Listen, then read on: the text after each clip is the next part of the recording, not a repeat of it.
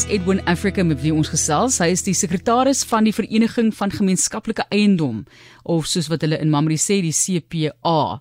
En ons gesels met hom oor die vereniging en die boerderypraktyke daarso die geleenthede ook op gemeenskaplike grond. Ons is nou so 70 km noord vanaf Kaapstad teenoor Atlantis. Pragtige dorp daardie ook om te gaan kuier. Mamre net so baie welkom. Hoe gaan dit op Mamre vandag Edwin? Goeiemiddag uh, Matthys en middag ook aan al die luisteraars. Nee, ons geniet maar die wintersondjie vandag hier in die dorp. Lekker, 'n bietjie 'n bietjie hitte vir die die geluk en vir die siel. Maar vertel vir ons van hierdie plaas en dan die ontstaan eintlik van Mamre in die verlede. Ons gaan nou ver terug. Ja. Kyk, Mamre het sy ontstaan eintlik as gevolg van die VOC destyds. Die uh Hollanders, die Nederlanders wat eintlik hier gekom het en hulle dit bedryf as 'n uh, 'n plaas waar vandaan hulle vasvleis en groente eintlik kon kry vir die verbygaande skepe. Dit was eintlik die basis waarop hierdie plaas eintlik uh, bedryf was. En later toe het die plaas eintlik oorgegaan na die Morawiese sendinggemeenskap. Hulle toe eintlik eienaarskap van die grond gekry en die dorp het maar toe nou natuurlik uitgebrei van daardie punt af. Hoe groot praat ons nou die area? Tans beslaan ons so 4200 hektaar. Dis eintlik twee gedeeltes waar jy nou saamvoeg gaan kry ons 2400 hektaar wat almal as landbougrond gesoneer is. Maar daar is ook plantspesies daar Edwin as jy vir ons kan uitbrei dan verder wat in daardie area te vind is. So jy kan ook nie net oral landbou toepas nie. Dis korrek so. Dis heeltemal korrek so want ons sit juis met 'n kopseer in hierdie verband dat uh, ons sit met 2400 hektaar grond wat as landbougrond gefumeer is. Maar al hierdie grond die, die in totaliteit kan dit nie as landbougrond gebruik word nie omdat ons 'n uh, taamlike uh, klomp bedreigde plantspesies hier het. En dit dis is al ons grond nie noodwendig geskik vir landboudoeleindes nie. Dit is eintlik een van die groot kopsere wat ons het. Wel, ons gesels nou juis oor wat julle wel kan verrig. So jy het nou daardie groot uitdaging aan julle kant Edwin, maar julle het besluit daar moet gefokus word op boerderypraktyke, op gemeenskaplike eiendom en geleenthede vir mense om op 'n manier geld te maak om hulle eie kos te verbou. So vertel vir ons van die begin van daardie inisiatief.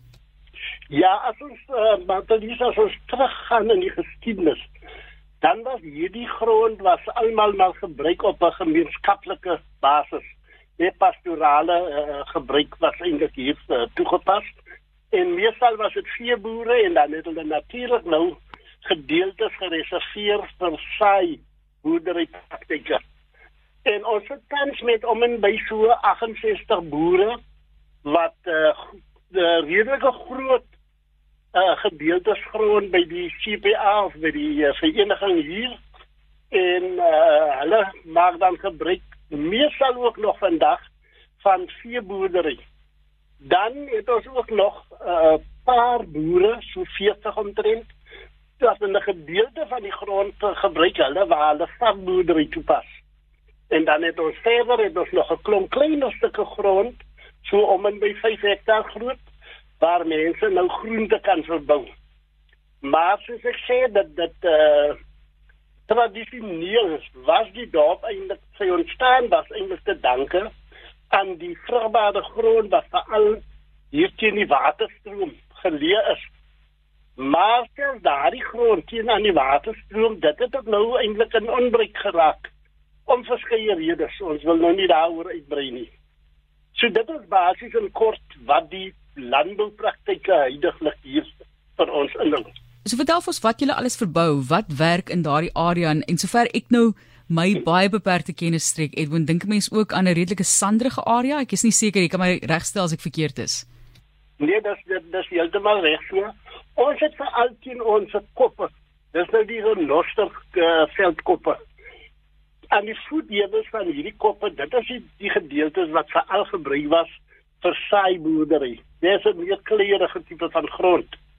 En dan in ons sanderige grond waar ons die Atlantis fynbos eintlik aantref, En uh, dit strek was nou natuurlik van hierdie koppe af tot hier aan die Weskus tot hier in die see. Daai gedeelte leen hom nie veral toe tot uh uh die uh, landboupraktyke in die sin van saaiery. Op daardie tipe van grond kan 'n mens maar basies net veeboerdery toepas. En in daai areas en selfs ook in die renosterveld by ons is daar 'n hele klomp spesies wat taamlik bedreig is of op die rand staan van bedreiging en dit is waar ons eintlik probleme optel want jy kan nou nie enige landboupraktyk daar gaan toepas nie. Ons gesels ook oor iets wat gemeenskaplik is Edwin en dan beteken dit mense moet saamwerk. En dit is ook altyd 'n groot uitdaging persoonlikhede wat na vore tree of is jy besig om seepglad almal lekker saam te werk? Watter tipe van uitdagings het jy daar wat jy ervaar?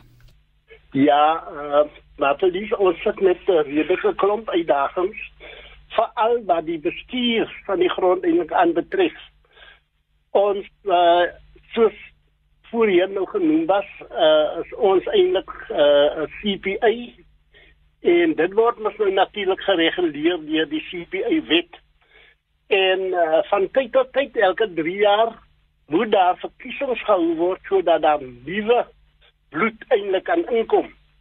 Maar ons blykbaar sit ons met 'n groot ameletjie hier want uh, ons verkiesing kan net nie uh volbring word nie. Hier is so 'n paar probleme, maar hopelik sal ons dit binnekort kan uitstrek uh uit uit uh, sorteer.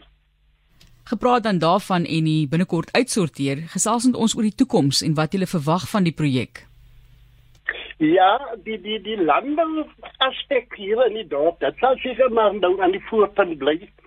Maar daar is ook ander moontlikhede wat moontlik hier eintlik uh, van toepassing kan word Naamlik daar is 'n windenergie projek wat ook nou al 'n paar jaar eintlik nou aankom die beplanning daarvan en dis meer.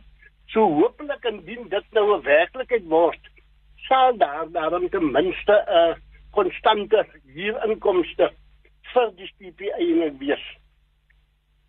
Dit is hier op RSG die gesprek met Edwin Africa en is die sekretaris van die Vereniging van Gemeenskaplike Eiendomme en hierdie boerderypraktyke wat hulle toepas, geleenthede vir mense daar. Is daar al mense wat na vore gekom het as entrepreneurs, mense wat regtig 'n bestaan kan voer uit hierdie projek? Uh uit die verlede uit was daar van die tradisionele boere wat uh grond eintlik gehuur het by die vorige bestel, dis die ou bestuursraad onder wie se uh, beheer die grond eintlik was. Daar's van hulle wat nou nog steeds op die grond is en soos vroeër genoem is was daar nou nuwe aansoek aangevra dit dis sit ons nou met omtrent 68 boere wat van die groot gronde gebruik. Maar as ons nou dink aan die uh, entrepreneurskap dan uh, uh, werk dit so dat wanneer die huurder 'n formele kontrak het kan hulle wel die, die departement landbou Weskaap kan hulle op verskeie maniere kan hulle geholpe raak ten opsigte van voorligtingdienste sowel as ook finansiële bystand wat aan hulle verleen word. En dan ook moet mense maar by sê dis nie net van die regering se kant af wat hulle geholpe kan raak nie, daar's ook ander uh, nie uh, regeringsorganisasies wat betrokke is om hierdie opkomende boere by te staan. Ek weet van spesifiek van een wat is hulle SA Agri Academy. Hulle is tans besig hier in die dorp om so 'n paar vrouens vir al te bemagtig om uh, hulle uh, besighede hier as dit ware van die voet af te kry.